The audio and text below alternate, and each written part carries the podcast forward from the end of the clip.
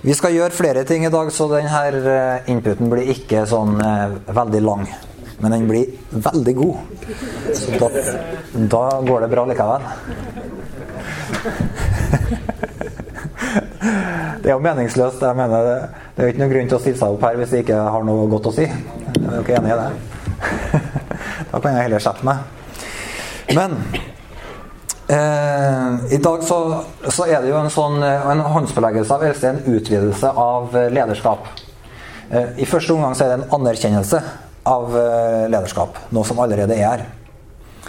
Eh, det, men eh, det er en utvidelse av lederskap på den måten at vi, når vi legger hendene på noen, så tror vi at Gud formidler sin nåde. Og så gir det òg et større rom imellom oss til å leve ut den nåden. Fordi vi anerkjenner det og sammen setter navn på at vi ønsker det lederskapet Gud gir gjennom. I dag så er det Sindre som eldste og Stine som, Stina som hans uh, fru. Så vi, ikke, vi innsetter ikke Sindre og Stina som eldste, men vi innsetter Sindre som eldste, og Stina er involvert i høyeste grad. Så dere bare skjønner den presiseringa der. Men det kan være nyttig. Eh, jeg har lyst til å lese fra Hebreerbrevet kapittel 4. Der er det noen vers om eh, Guds hvile. Det står fra vers 1 til 4. Eh, La oss altså være på vakt, så det ikke skal vise seg at noen av dere blir liggende etter, siden løftet om å komme inn til Guds hvile fortsatt gjelder. For det gode budskapet er forkynt for oss og for dem, men ordet disse hørte eh, altså Han holder på å sammenligne denne vandringa til, til menigheten til Jesus sin menighet sammenligna han med vandringa til Moses sin menighet. Moses han hadde en menighet i ørkenen. Og Jesus han har sin menighet. Og så holder han på å sammenligne denne vandringa. Så sier han det gode budskapet er forkynt både for oss og for dem. Men ordet disse hørte, ble til ingen nytte, fordi de ikke ble ett i troen sammen med dem som hørte det. Og det er vi som tror, som går inn til hvilen, for han sa, så sverget jeg i min vrede, aldri skal de komme inn til min hvile. Guds gjerninger var riktignok fullført da verdens grunnvoll var lagt. For et sted har han sagt om den sjuende dagen, så hvilte Gud på den sjuende dagen fra alle sine gjerninger. Så her, her uh, underviser ordet oss i det at det fins Altså, Gud han er en Gud som fullførte sine gjerninger på det på en sånn måte at han hvilte på den sjuende dagen. Er det interessant? Han gjorde alt, så det var ferdig på den sjuende dagen, og så hvila han. Så, eh, og så sier han at denne hvilen som Gud er i, den har også Guds folk på en måte et privilegium av å skal få komme inn i. Så det betyr at på samme måte som Gud hvila fra sine gjerninger på den sjuende dagen, så har Gud sagt at vi kan få komme inn i en hvile der vi kan få hvile fra alle våre gjerninger. Det er en veldig god måte å leve på. Eh, fordi det innebærer at hvis du skjønner at Gud har fullført alt som trengs å gjøres, og han har all makt, så vet du at vi er ikke her først og fremst for å gjøre noen ting for Gud. Men vi er her fordi Gud har ført oss inn i sin hvile. Det betyr Gud er fornøyd. Og det er Gud som har gjort det. Han har gjort alt som trengs i våre liv, sånn at vi kan hvile fra våre gjerninger. Og faktisk så er det sånn at det Gud har gjort i våre liv, det er nok til at vi kan hvile fra våre gjerninger. Så det er en hvile her for Guds folk. Og så sier han at uh, at uh, denne hvilen var det noen som ikke kom inn i. Og Så sammenligner han med det her folket som vandra i ørkenen. Det var noen som ikke kom inn i en hvile. Og det sa, sier forfatteren av hebreerbrevet her, at det handla om at de uh, ikke kom inn i tro. Så tro, det er på en måte døra inn i hvilen. Det er ikke hvilken som helst tro, men altså en tro på Gud, som har fullført alle gjerninger som trengs. Det er døra inn til Guds hvile. Og en tro på Gud som har all makt, og som har gitt sine løfter, og som fullfører sin plan, det er døra inn i Guds hvile. Så det, her står det at det gode budskapet er forkynt både for oss og for dem, men ordet de har hørt, ble til ingen nytte fordi det ikke ble ett i troen sammen med dem. Så, så for at uh, vi skal få erfare denne hvilen fra Gud, så er det et ord fra Gud som kommer til oss, og som blir ett med oss ved tro. Vi tar imot et ord fra Gud, og det smelter, en oversettelse sier at det smelter sammen med hjertene våre i tro. Ordet fra Gud. Og det, det er veldig interessant og veldig viktig, fordi at det forteller oss at hvile, det å leve i en hvile betyr jo ikke å være eh, passiv. Det er noen som tror det, at hvile det er det samme som å ligge på en sofa. Det er det ikke. Det har det aldri vært. Og Hvis du tror det, så, skal, så har jeg ikke lyst til at du skal gå hjem herfra og tro at du skal leve i en hvile. Fordi at det er ikke den hvilen Gud snakker om. Gud har ikke ligget på en sofa siden skapelsens morgen. Jesus sier at 'min far arbeider helt til denne dag', og det gjør jeg også, sier Jesus. Men det arbeidet ikke ut fra et strev, men det er ut fra en hvile. Så, kjempe, så hvile gjør deg ikke passiv. Hvile gjør deg ikke daff og lat og liksom la meg få se eh, få underholdning og digg og en sofa, det er ikke hvile. Hvile, det er noe som Gud gjør på innsida. Du kommer inn i en hvile, og når du har kommet inn i hvilen, da kan du, da kan du arbeide. Det er, noen, det er noen vers om det her i Jesaja. Skal vi ta med oss dem? Det her er jo kunsten å være kort, vet du. Det er, ikke, det er ikke lett for dem som er lang.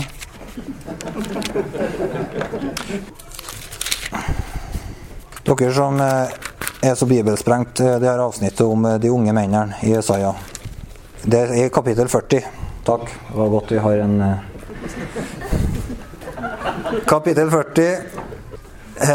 hør her. I kapittel 40 og vers 29 eh, så står det Han gir den trette kraft, og den som ikke har krefter, gir han stor styrke. Gutter blir trette og slitne, unge menn snubler og faller, men de som venter på Herren, får ny kraft. De løfter vingene som ørn, de løper og blir ikke slitne, de går og blir ikke trette. Ok, Så hvile, overskudd, det kommer ikke fra passivitet. Tro, troens hvile er heller ikke passiv. Ok? Så den troens hvile som Gud gir oss, det er ikke en sånn passiv som innebærer at vi ikke gjør noe. Nei, den fører deg inn i et helt nytt liv. Og et liv har alltid et uttrykk, og det uttrykket som troen har, det heter troens gjerninger. Og den gjør troa Den liksom er den frukta av troa. Og det er et veldig godt liv. Så, men det som jeg tenker på her, troen har masse gjerninger, og det er Og det springer ut fra en hvile.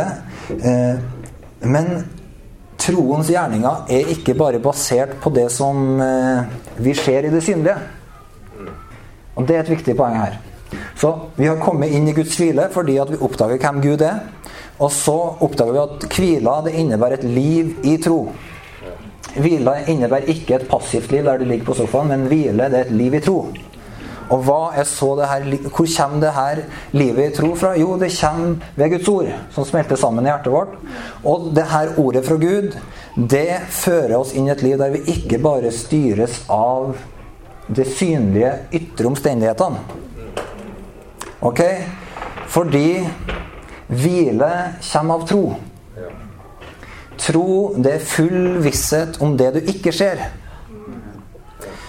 Så troens hvile det handler da om at eh, vi begynner å leve et liv der vi ser hvem Gud er, ser hva Gud har gjort, ser Hans makt og forstår at det er Gud som gjør det. Vi har egentlig ikke noe å legge til i de tingene her, men Gud tar oss med inn i hans, hans liv. Eh, og så er det det at Det tar oss, Troens hvile tar oss ut av og styres av sitt menneskelige behov, ytre krav, forventninger og press. Troens hvile tar oss ut av å leve et liv styrt av frykt eller bekymringer. Troens liv, det tar oss ut av å leve styrt av eh, alle de stemmene som sier 'du burde gjort sånn', 'du skulle gjort sånn', eller den der indre dårlige samvittigheten som sier 'det her burde du gjort, det her burde du gjort mer av', 'det her gjør du for lite av'. Det har ingenting med tro å gjøre. Det der, det er ikke på Tro, det kommer fra Gud. Eh, så det betyr at med en gang vi begynner å leve ved tro, så begynner vi å leve ut fra noen ting vi ikke ser. Og den tingen vi ikke ser, det er Gud og Hans ord. Og Guds verden. Og da sier Bibelen at uh, han som har tatt i Efeserbrevet, sier at han, ved, han har rettferdiggjort oss ikke ved gjerningene våre. Og så sier han videre at men han har lagt ferdig sånne gjerninger som vi skal vandre i. Det er en hvile. Det er en troens hvile. Så Gud har tatt oss ut av å bare være styrt av synlige omstendigheter, press, indre krav, ytre krav, og sagt Hør her, du er ferdig med alt det der du dør fra, og du er satt inn i et fellesskap med meg, og lev derfra. Du, utgangspunktet ditt er jeg har gjort alt som trengs for at du kan ha god samvittighet. Det er veldig, veldig befriende. Det betyr, det betyr for oss alle, og det betyr også for Sindre og Stina, at det er masse behov, krav fra mennesker, og kanskje av og til en følelse av ting man burde ha gjort, som dere ikke skal styres av. Fordi Gud har ikke lagt det på dere. Gud har ført dere inn i en hvile. Det eneste du kan vite, er at han har sagt 'leve tro, leve min ånd'. Leve med en god samvittighet. Og Det er veldig befriende. Så når dere eh, på en ny måte trer inn i lederskap, så er det ikke for å være mennesketreller. Men det er for å være tjenere for den levende Gud. Og, som har all makt. Og som fullførte alle gjerninger før den sjuende dagen, og som har ført dere inn i en hvile i Kristus. Og det betyr at man kan arbeide hardt og av og til så arbeider man hardt med de tingene som folk rundt en ikke ser. Eller de tingene som folk rundt ikke tenker som burde de prioritert. Fordi at man ser noen ting hos Gud. Man vet det her er det Gud har kalt meg til. Det kan være mange som forventer mange ting, men eh, det, det, det er Gud som har sitt store. Og det å leve med en god samvittighet foran Guds ansikt og kunne stå innenfor Han hver dag og vite uh, i dag så har ikke Gud kalt meg til noe annet enn å plante litt blomster i hagen og få med meg den siste sendinga, sportsoppsummeringa fra søndagen. Sjøl om det er masse ting som burde vært gjort, så er det frihet til det innenfor Gud. Når Herren sier det. Andre ganger så kan det se ut som det ikke er noen behov, noen ting, men, men Gud har gitt deg en full agenda. Fordi at han holder på med noen utvidelse i sitt hus. Og han sier her er det noen villige folk. De gir deg kraft. De er klare til å springe. Go! Så troens hvile den er alltid betinga at vi ser det usynlige. Og det minste vi ser, eller hva skal jeg si, det meste, det eneste vi ser, det er Gud. Når vi har sett Gud, da har vi sett alt vi trenger. Og ut fra et fellesskap med Han, og ut fra fellesskap med Hans ord, som hele tida smelter sammen med hjertet, så lever vi i denne hvilen.